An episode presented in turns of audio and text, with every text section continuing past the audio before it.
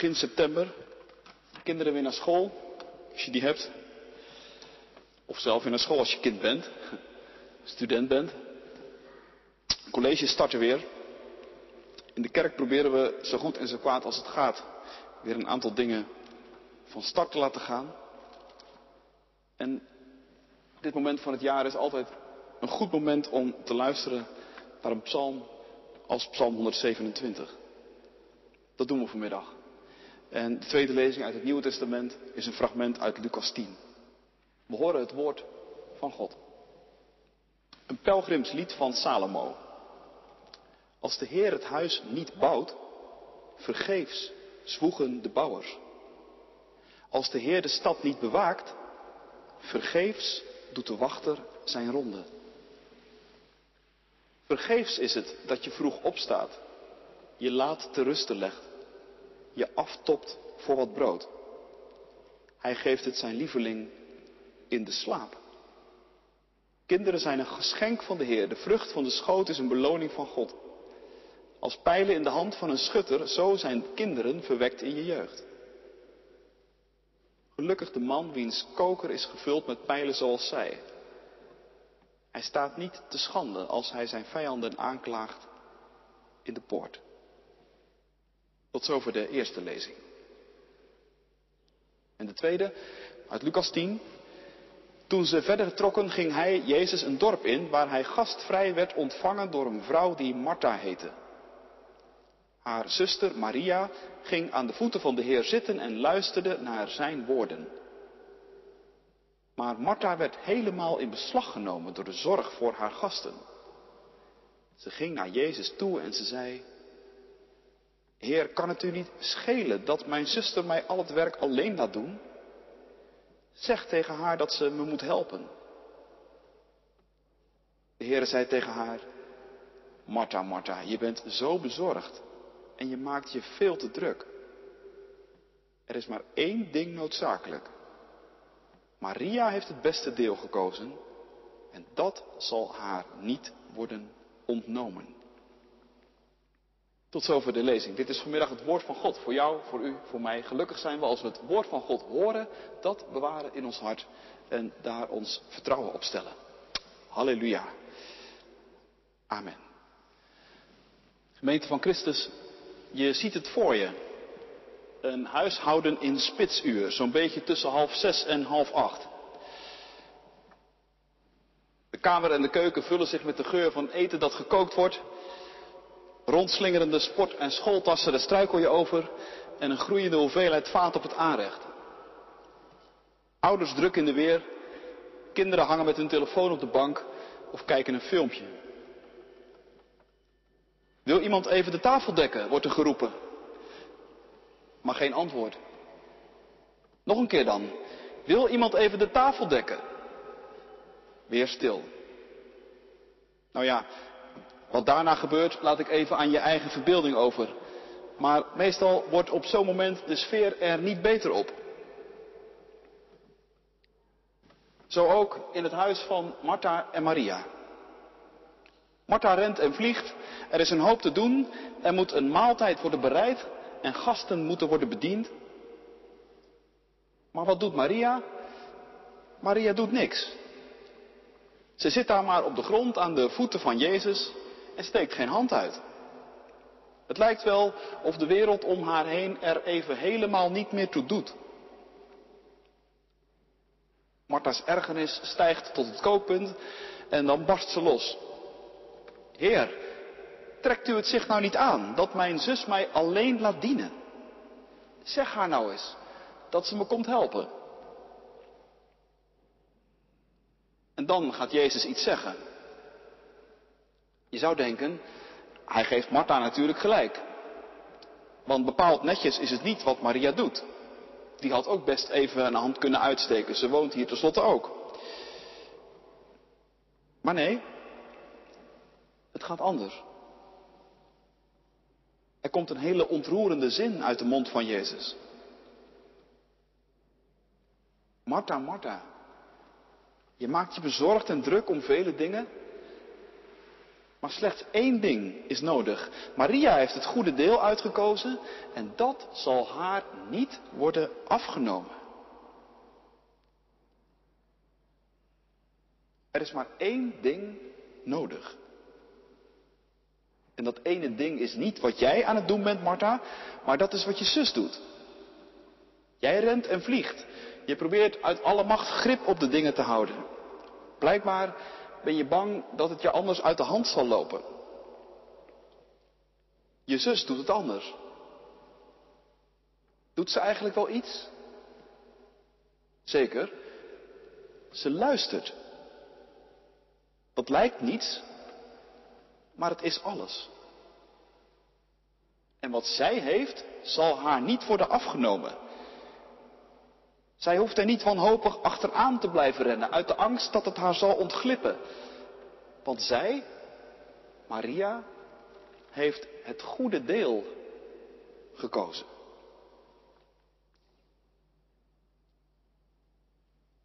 Nu naar Psalm 127.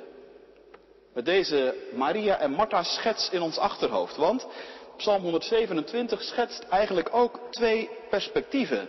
Twee manieren van leven. Die ik vandaag maar even voor het gemak het Martha-leven en het Maria-leven noem. Het Martha-leven bestaat uit bouwen en bewaken. Dat zijn de twee kernwoorden uit de eerste verse van de psalm. Het Maria-leven is aan je laten bouwen en je laten bewaken. Laten we vanmiddag kijken wat het verschil is.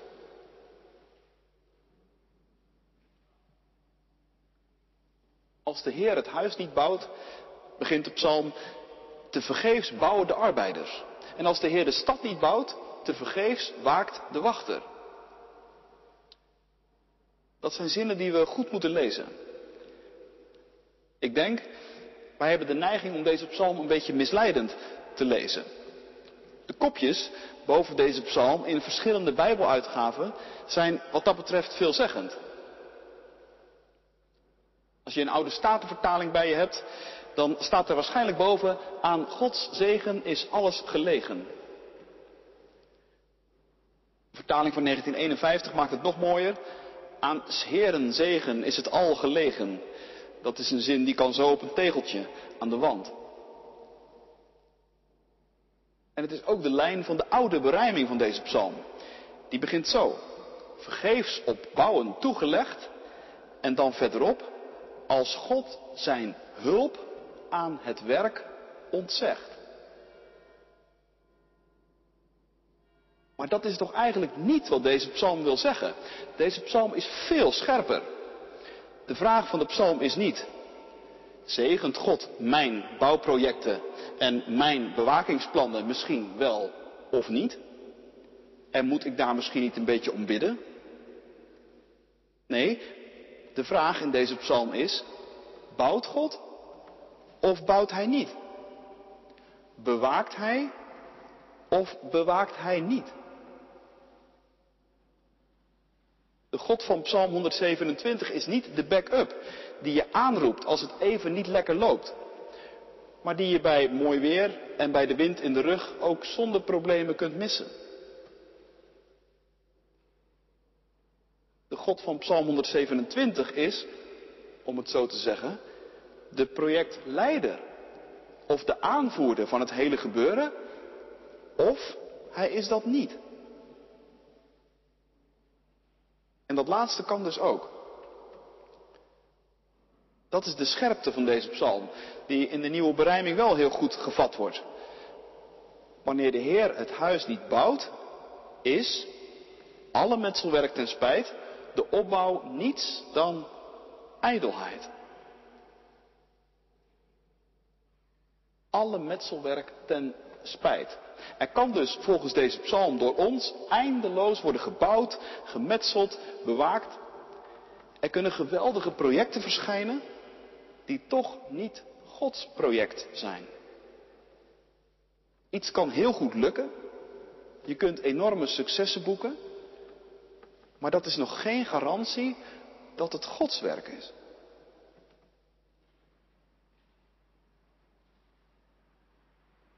Laten we nog wat doordenken op die woorden, bouwen en waken. Eigenlijk zijn dat twee enorme levensthema's voor ons. Bijna alles wat wij doen kun je onder één van die twee woorden onderbrengen.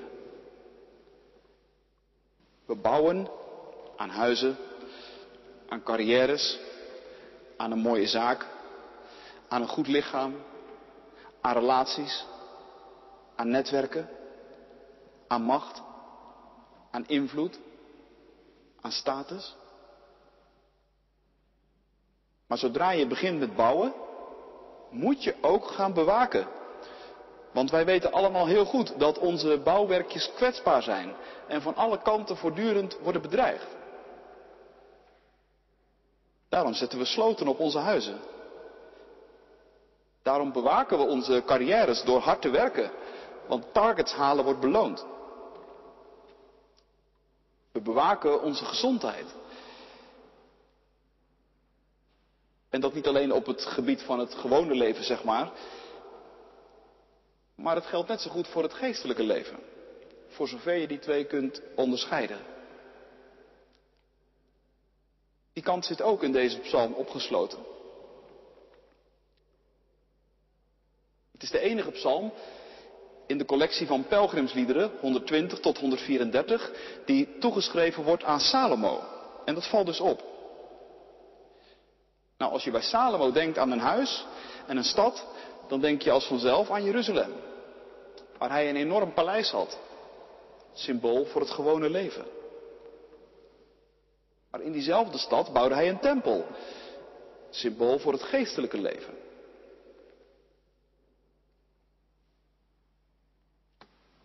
Ook op het gebied van het geestelijke leven wordt er voor ons, door ons, heel wat gebouwd en bewaakt. Soms heel letterlijk. Er worden gebouwen, tempels, gebouwen waar God woont, overeind gehouden. Maar we zetten ook lijnen uit voor beleidsplannen in de kerk en we proberen wat te waken over de geestelijke koers die we met elkaar varen. Misschien doe je dat ook wel op een individueel niveau. Denk je wel eens na hoe het met je geestelijke leven ervoor staat. Bouwen en bewaken. Dat is in twee pennenstreken dus een heel groot deel van ons leven. Maar nu de psalm weer. Als de Heer het huis niet bouwt, zwoegen de bouwers te vergeefs. Als de Heer de stad niet bewaakt, waakt de wachter te vergeefs. Vroeg opstaan, laat opblijven, lange dagen, amper slaap, volgepakte agenda's. Te vergeefs. Ai. Dat doet wel zeer. Dat al je geswoeg en al je gezweet, je gedraaf en je gevlieg, ook te vergeefs kan zijn. En we zagen net al, dat hangt niet af van het resultaat. Dingen kunnen uitstekend lukken en toch te vergeefs zijn.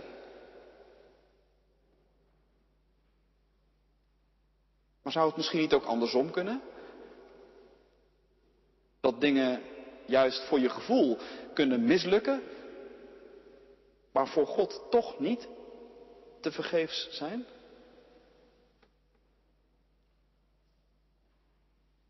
Ja, dat roept natuurlijk de spannende vraag op hoe je dat dan weet. Als schijnbaar succes je bedriegen kan, hoe weet je dan dat waar je mee bezig is, of dat nou te vergeefs is, ja of nee? Hoe weet je nou of het God is die bouwt en bewaakt of niet?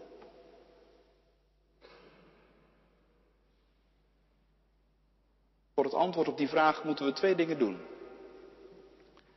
Kijken naar het slot van vers 2, doen we straks, maar eerst kijken naar het woord te vergeefs. Dat komt een aantal keren in dit lied voor, te vergeefs. En nu heeft het Hebreeuws daar twee woorden voor, die liggen dicht bij elkaar. Het ene woord is het woord dat vroeger met ijdelheid vertaald werd. En tegenwoordig vaak met lucht of leegte. Dat woord wordt hier niet gebruikt.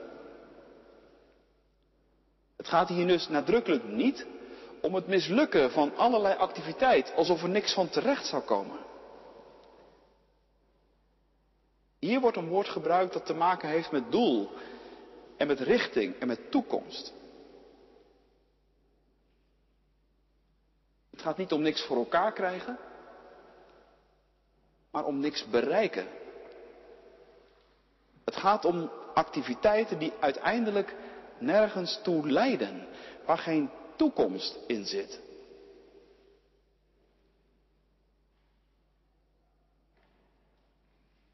Daarmee raakt deze psalm denk ik iets heel dieps bij ons. In de levens van de meesten van ons, ook vanmiddag denk ik hier, is aan activiteit geen gebrek.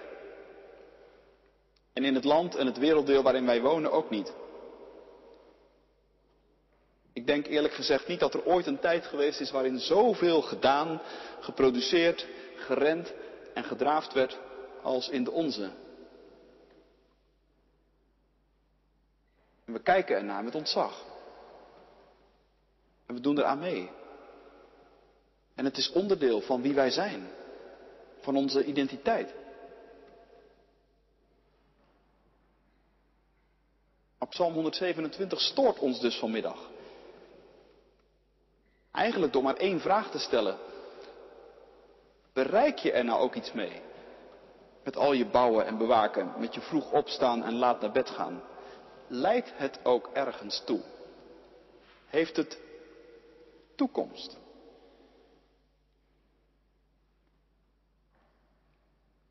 Zo niet, dan leiden we dus een Marta-leven, altijd bezig en nooit klaar. Nooit rust. Altijd bang dat je iets mist, dat dingen uit je handen glippen. Psalm 127 vraagt dan, let eens op, ben je niet te vergeefs bezig? Richtingloos en zonder toekomst.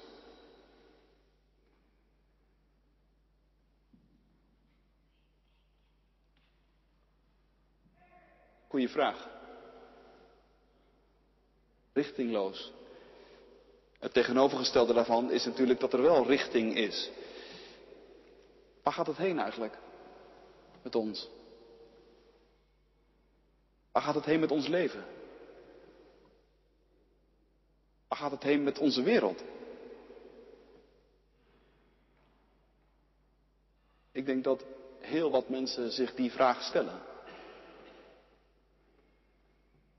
Richtingloosheid is iets wat breed gevoeld wordt. Maar we hebben het er amper over.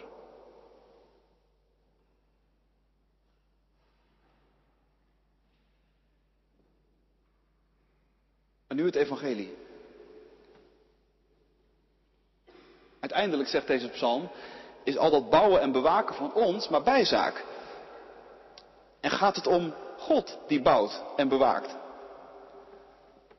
En wat bouwt en bewaakt God dan? God bouwt een huis met vele woningen, zegt Jezus. Met zoveel woningen dat daar ook voor jou een plek in is. God bouwt zijn koninkrijk onder ons. Een koninkrijk van vrede en gerechtigheid. Waar de dood niet meer zijn zal. En waar hij al je tranen van je ogen zal afwissen. En God bouwt en bewaakt zijn gemeente. Ook hier. En als er nou iets is dat toekomst heeft, dan zijn het Gods bouwwerken. Daar moeten we het dan vooral ook in de kerk over hebben, denk ik. Over Gods bouwwerken. Over de stad die fundamenten heeft. Zoals het in de Hebreeënbrief staat. Naar die stad gaat het toe. Naar die stad zijn wij onderweg achter een hele lange rij van geloofsgetuigen aan. In die Hebreeënbrief worden ze allemaal genoemd. Abraham, Henoch, Noach, Jozef, Mozes. Oudere broers en zussen in het geloof. Die je richtingsbesef bijbrengen. En die je blik richten op Gods bouwactiviteiten.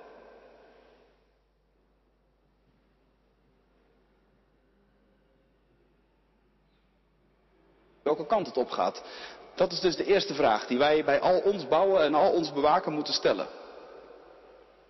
Maar daarnaast is er nog één ding dat je kan helpen om niet te vergeefs te bouwen. Het slot van vers 2. Hij geeft het zijn beminde, zijn geliefde in de slaap.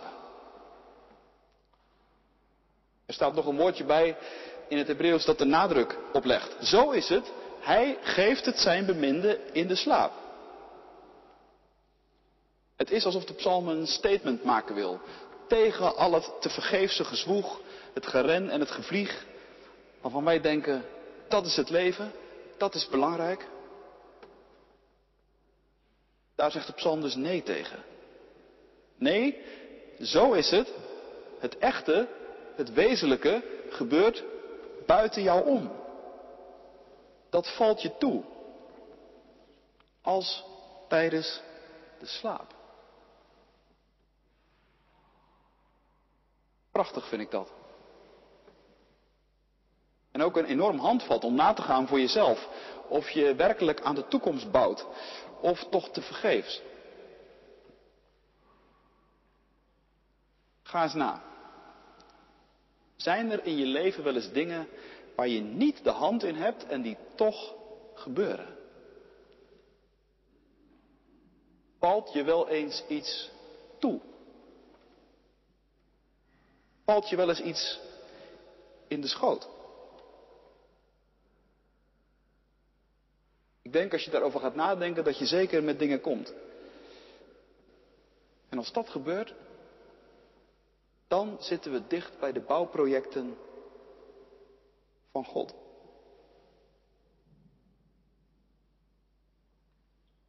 Zomaar een voorbeeld dat iemand mij ooit eens vertelde.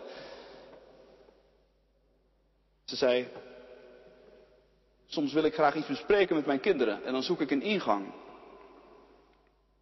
Maar die heb je niet altijd. En als ik die niet vind, dan breng ik het in gebed. En nu is het me al meerdere malen gebeurd dat ik daarna een veel royalere opening kreeg dan waar ik om gevraagd had. Hij geeft het zijn beminde in de slaap.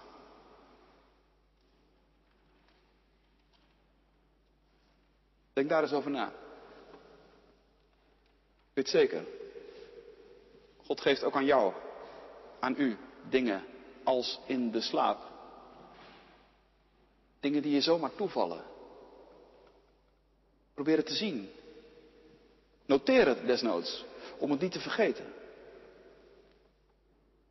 Dat is het leven van Maria. Dat is het leven dat ook van ophouden weet. En soms even van een poosje niks doen. De boel maar even de boel laten. Ik vind dat zelf heel ingewikkeld. Maar het is zo wezenlijk. Stil worden, bidden, waken, wachten op God. Niet uit nonchalance of uit onverschilligheid,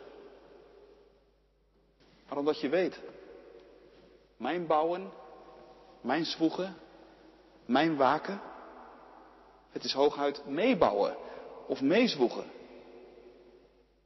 Het bouwen gaat echt wel door. Ook al doe ik even niet mee. Ook al zit ik wat op een dood spoor voor mijn idee. Voor het leven van Psalm 127, het leven van Maria, is het veel belangrijker dat er aan je gebouwd wordt. En dat er over je gewaakt wordt.